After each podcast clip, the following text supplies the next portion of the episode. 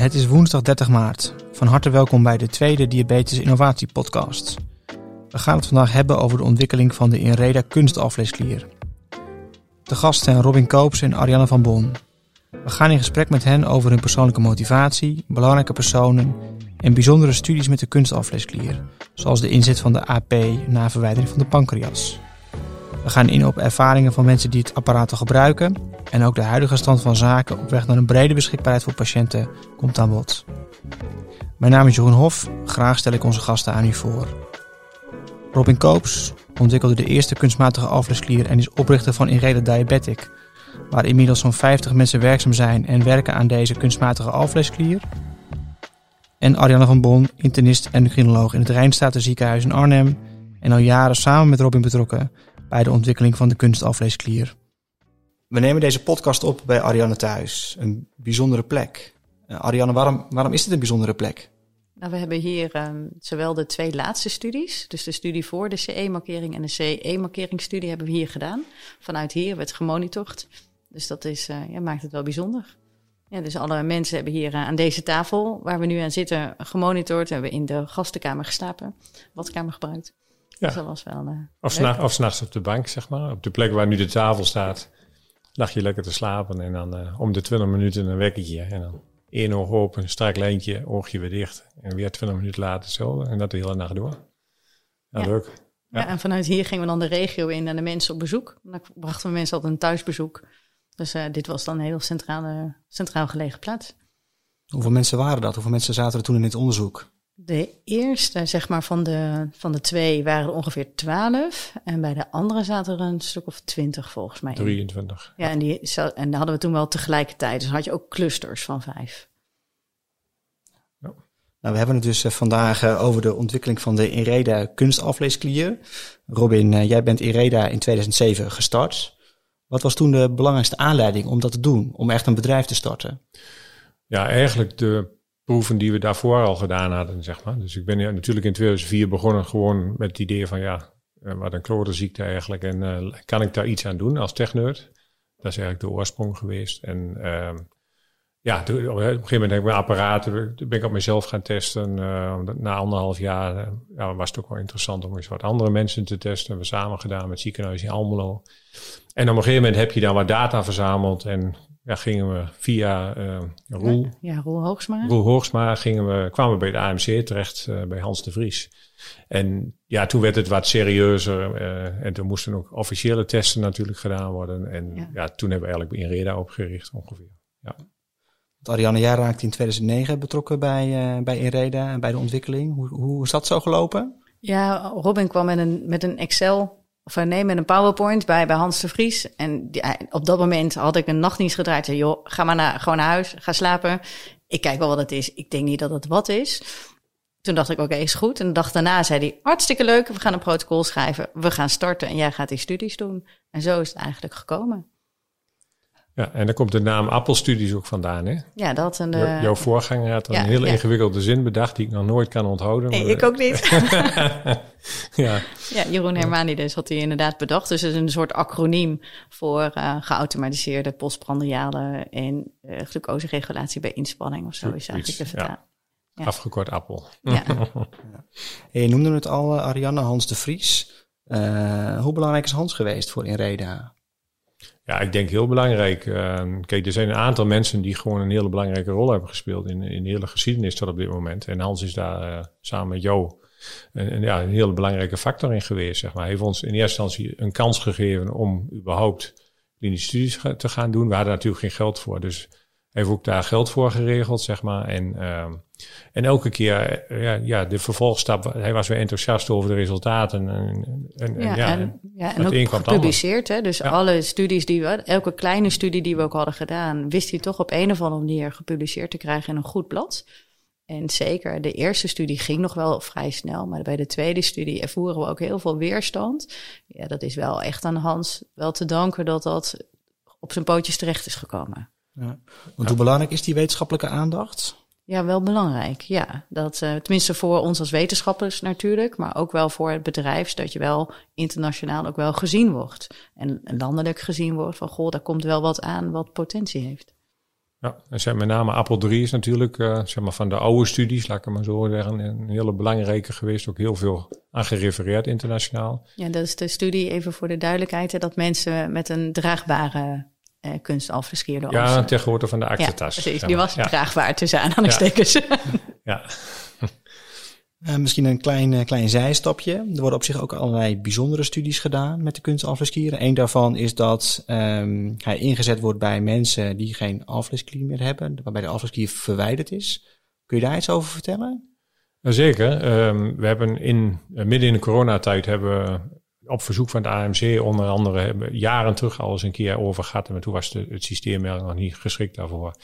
Um, hebben we midden in coronatijd een studie gedaan met, ik dacht ook iets van 20 patiënten. Apple 5 Plus noemen, hebben we die genoemd. En um, ja, die, er wordt op dit moment heel veel uh, gedeeld internationaal uh, binnen die, die scene ook, zeg maar. En ik dacht zelfs volgende week op het Wereldcongres in New York wordt die gepresenteerd. En heel veel positieve reacties op, zeg maar. En ja, die kan, daar kan hier echt een belangrijke rol spelen, zeg maar, in, in een stukje kwaliteit van levenverbetering, misschien de laatste levensfase. Maar ook uh, op een ander vlak uh, waar ze in de toekomst naartoe willen, is toch preventief verwijderen van de alvleesklier om alvleesklierkanker te voorkomen. Dus ja, dat is wel een hele gave stap dat je dan een alvleesklier bij iemand eruit haalt en dan zegt, hier heb je een kunstalvleesklier en dan neem je het risico van de ene ziekte weg, maar de andere creëer je. En dat moet wel goed opgevangen worden natuurlijk. Ja, en dat is ja. wel heel erg mooi om te zien dat het ook kan. Ja. Hoe kijk jij naar, Ariane? Wat vind jij van dit soort ontwikkelingen? Ja, die zijn, ja, vind ik meer dan bijzonder hè, dat dat kan. En dat mensen er ook echt voor openstaan om dat verder te gaan onderzoeken. Want in, in dat specifieke geval, als je natuurlijk je alvleesklier wegopereert, ben je in, van de een op ander moment heb je diabetes. En daar is ons zorgsysteem zeker niet goed op voorbereid. En die mensen ook niet, want die zitten natuurlijk eerst nog in een verdriet van alvleesklierkanker en dan krijgen ze ook nog diabetes erbij. Dus als je dan dat, ja, de tweede ziekte, wat Robin net al zei als chronische ziekte, er ja, beter kan maken of makkelijker kan maken, dat is wel heel erg uh, meegenomen. Ja.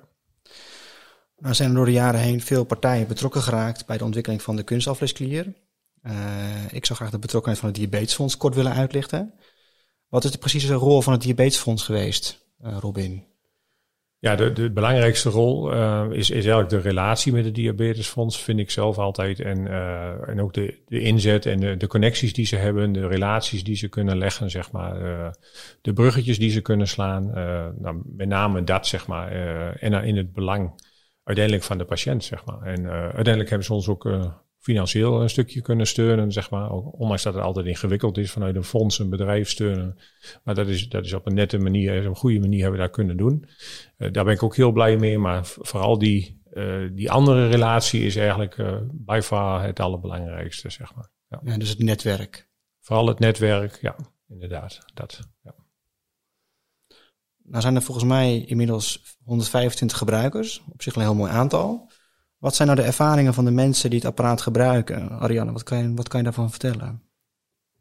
Mensen die het apparaat gebruiken zijn over het algemeen erg tevreden. Er zitten wel wat opstartproblemen. Dus als je in één keer een apparaat gaat, dit apparaat gaat gebruiken, vinden mensen het soms gewoon ingewikkeld. Hè? Omdat niet dat het apparaat heel moeilijk is, maar ze hebben meer apparatuur aan hunzelf. En dan erkennen ze of zien ze in één keer dat ze diabetes hebben. Dus de eerste paar weken is het wel ja, opnieuw een soort acceptatieproces waar ze doorheen gaan. Of sommige mensen hebben hele hoge verwachtingen. Maar het blijft natuurlijk dat je iets met techniek aan je lijf hebt hangen. En vaak zijn ze na die weken, komen ze wel, ja, wordt, wordt alles rustiger. De regeling die werkt goed en mensen kunnen het allemaal een plekje geven. En dan zijn ze erg tevreden. Er zijn weinig mensen die stoppen. Ja, ja. Wat wordt er nou vanuit Inreda aan aanvullende ondersteuning geboden voor dit soort mensen, Robin? Zeg maar, los van je krijgt die pomp, wat wordt er aan, wat, wat is daarvoor beschikbaar? Ja, wij, eh, mensen melden zich aan bij de, bij de arts, zeg maar, bij het ziekenhuis, de ziekenhuizen, eh, die verwijzen door, zeg maar, dan krijgen ze een soort intake. Dus dan gaan we ook kijken, en de dokter kijkt van, is de, is de patiënt geschikt hiervoor? Wij kijken nog eens een keer. En dan krijgen ze in eerste instantie een e-learning, uh, krijgen ze mee. Die moeten ze ook, um, um, die moeten ze ook echt, zeg maar, goed afsluiten. Um, als die afgesloten is, dan uh, nemen we ze op in het uh, introductieprogramma. Dan krijgen ze een, op dit moment nog een tweedaagse training. En dat gaat straks terug naar één dag. Dan komen ze twee dagen bij ons. En dan gaan ze met een werkende kunstalvleesklier naar huis. En dan hebben ze alle handelingen eigenlijk geleerd, zeg maar, die ze moeten doen. Vervolgens gaan we die patiënten allemaal, de eerste week worden ze gemonitord. Dat kunnen we met ons portalsysteem doen. Al die AP's in het veld, die, die sturen al hun data, zeg maar, naar, naar een centrale uh, server. En uh, wij kunnen dus medisch, technisch en logistiek met de mensen meekijken. Um, dan worden ze actief begeleid. Vervolgens worden ze nog een aantal weken kunnen ze uh, vanuit zichzelf contact met ons zoeken. Die periode duurt totaal twee maanden. En daarna kunnen ze terugvallen op de poli, zeg maar, dus voor de medische kant. En voor de technische kant en de logistieke kant, daar zorgen wij voor. Dus we beleveren de mensen ook alle hulpmiddelen. Hoeven ze niet meer over na te denken. De medicatie hoeven ze niet meer over na te denken straks. Dat doen we nu met een kleine groep en dat gaan we straks met alle patiënten doen. En uh, ze worden technisch ondersteund als er een probleem is. Dan helpen we ze, krijgen ze andere apparaten verlossend op. We doen een reset of weet ik veel wat. En, ja, en medisch, dat doen we in overleg met de poli. En dan bepaalt de arts zeg maar wat uiteindelijk eventueel een instelling veranderd moet worden. Dat kan soms. Uh, dat heb ik ook bij mezelf gezien, is dat je het eerste jaar vanuit, je komt vanuit een enorme ontregelde situatie en dat stabiliseert. En dat betekent dat je soms enorme sprongen maakt, zeg maar ook in het insulineverbruik bijvoorbeeld. En er zit een zelflerende component in de AP, alleen die kan het soms niet helemaal volgen. En dat kan zijn dat je bijvoorbeeld na drie maanden een keer het apparaat bij moet stellen, zodat hij weer de nieuwe grenzen, weer nieuwe grenzen heeft, zodat hij weer zichzelf kan bijregelen, zeg maar. Dus uit veiligheidsoverwegingen zitten daar bepaalde ja, drempels in, zeg maar, die we dan opnieuw moeten uh, zeg maar, uh, aanpassen. En dat is eigenlijk, dus de patiënt wordt uh, heel ja, intensief. Goed begeleid, ja. Heel goed begeleid. Goed, ja. Ehm, krijgen ook heel veel goede feedback op, zeg maar. En kunnen we nu met die groep patiënten ook enorm goed optuigen, dat hele, hele ondersteuning. Dus het is eigenlijk een compleet ontzorgingsverhaal, zeg maar. Ja. ja, want die twee dagen, dan, ook al zou je nooit een insulinepomp gebruiken of nog nooit een sensor hebben gezet, dan kan je echt dan binnen die twee dagen. Dus je gaat daar de deur niet uit hè, als je ja. het zelf nog niet kan. En dan heb je die acht weken, die zijn ook ja, super belangrijk voor mensen. En dat ze kunnen echt ja. altijd bellen, krijgen echt coachingsgesprekken van, ook deel hè, van, goh, hoe ga je nu je leven nu dan doen? Want je diabetes staat in één keer niet meer op één en dat is toch echt heel anders. Ja. En wat is dan nu de huidige stand van zaken als je het hebt over de weg naar die bredere beschikbaarheid? En nu 125 patiënten, van hoe ziet het er op de, nou ja, op de kortere termijn uit? Wat, wat... Ja, nou, wat we, wat we doen, en dat, wil ik ook wel even noemen, we doen, we doen nu een project van 100 mensen met mensis uh, en een project van 25 mensen met CZ. Daar, dat zijn eigenlijk twee studies waarin we kijken, zeg maar, hoe gedraagt de AP zich in het veld en wat kunnen we daarvan leren en hoe kunnen we het beste die, die mensen behandelen, zeg maar, en, en ondersteunen. En uh, we hebben een groep, zeg maar, waar we kijken naar het zorgpad. Dus hoe gaat het nieuwe zorgpad eruit zien? Want het is eigenlijk een stuk afstand uh, zorg, zeg maar, wat we leveren, uh, samen met het ziekenhuis. Nou, um, en dan hebben we, vorig jaar is in de media geweest, hebben we samen UMC Utrecht met een groep een veelbelovend zorgtraject aangevraagd, zeg maar. En daar zijn we natuurlijk heel nauw bij betrokken, waarin ze dus echt, zeg maar, de kosteneffectiviteit, maar ook de, de medische effectiviteit van de AP in, echt in kaart willen gaan brengen. En die data kun je naast elkaar gaan leggen straks. En heb je enorme uh, bak informatie, zeg maar, waar dan uiteindelijk het zorginstituut, uh, ja, een uitspraak of een beslissing over kan nemen om in de basiszorg terecht te komen. Zeg maar. En bij die veelbelovende zorgaanvraag komen er zeker ongeveer 200 mensen in. En dan heb je die eh, mensen, mensen van 100 en CZ van 25. Dus dan heb je best wel voor Nederlands begrip een groot aantal. Die je goed kan analyseren. Inderdaad op, ja, tussen haakjes een simpele HbA1c-bepaling. Maar ook de moeilijke. Hè, wat is de kwaliteit van leven? Wat, en dat soort vraagstukken nemen we allemaal mee. Ja.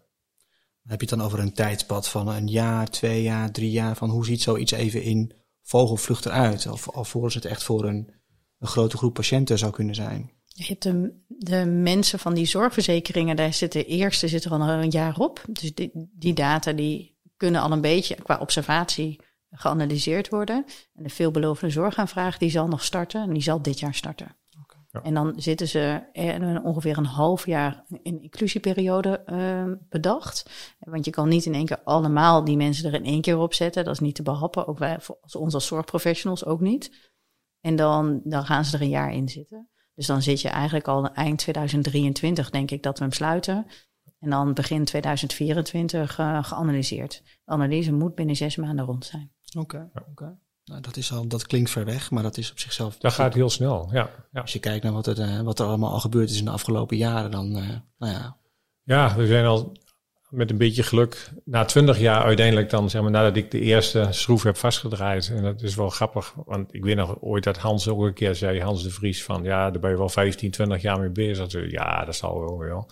Maar uiteindelijk is dat toch wel, die 20 jaar is wel heel grappig, dat dat ook, ook wel op een plus of min een half jaar of zo uitkomt, zeg maar. Een vooruitziende blik dus. Ja, eigenlijk wel, uh, zou je kunnen zeggen. Ja, grappig hè. Ja, ja. ja. Um, ik wilde met jullie uh, afronden en, en met een vraag. En uh, uh, ja, wat er in de pijplijn zit. Ik heb gehoord over een studie met kinderen. Wat, wat kun je daar al over vertellen? Ja, inderdaad. we hebben al heel lang kregen natuurlijk vragen over van... Kunnen, kan het ook bij kinderen en ouders? En kijk, kinderen is echt wel ingewikkeld met diabetes, zeg maar. En ouders die hebben daar echt wel heel veel moeite mee. Kinderen zelf ook uiteraard. Dus die vraag ligt daar heel lang bij ons. Alleen, wij vinden nu pas dat het apparaat ook daar aan toe is. We hebben nu heel veel data verzameld, al bij volwassenen. En um, ja, daarom hebben we inderdaad een studieprotocol uh, ingediend, zeg maar, inmiddels. Uh, voor om 15 tot 20 kinderen te gaan testen. Dat doen we bij ons in Twente, samen met uh, Ariane rondom Arnhem. Um, en um, ja, de uitkomst daarvan is eigenlijk, de bedoeling daarvan is eigenlijk dat we de indicatie van het apparaat uh, naar beneden kunnen bijstellen van 18 naar 12 jaar. Uh, en wat het mooie aan dit project is, dat er eigenlijk twee fases bestaat. Dus we doen eerst een korte klinische studie, een soort veiligheidsstudie. En daarna, een half jaar daarna, hopen we de CE zeg maar helemaal aangepast hebben. En vanaf januari ongeveer volgend jaar krijgen die kinderen dan de AP ook terug, zeg maar. Als ze dat willen, dan mogen ze hem ook houden daarna, zeg maar. En dat wordt betaald door drie stichtingen uit Twente. Dus dat gaat ook bij de verzekeraars of zo om. En die, die hebben in ieder geval zich garant gesteld dat die kinderen twee, drie jaar, zeg maar, die AP kunnen blijven houden. Totdat er een uitslag is, zeg maar, van, van veelbelovende zorg. En de meeste van die kinderen zitten dan ook al richting de 18 jaar. Dus dan kunnen ze naar volwassenenzorg over, zeg maar. Dus ja, dat is een heel mooi project. Robin en Arianne presenteren op 2 juni tijdens het Diabetes Innovatiesymposium de Evert van Ballengooi lezing. In deze lezing gaan zij dieper in op de verschillende onderwerpen die vandaag besproken zijn. Heeft u zich al ingeschreven? Ga naar www.diabetessymposium.nl voor het volledige programma en om direct in te schrijven voor deelname aan het symposium. Binnenkort informeren we u graag over een nieuwe podcast. Volg ons via Apple Podcast, Spotify of blijf op de hoogte van onze nieuwe podcast via de nieuwsbrief van diabetesgeneeskunde.nl. Hartelijk dank voor het luisteren.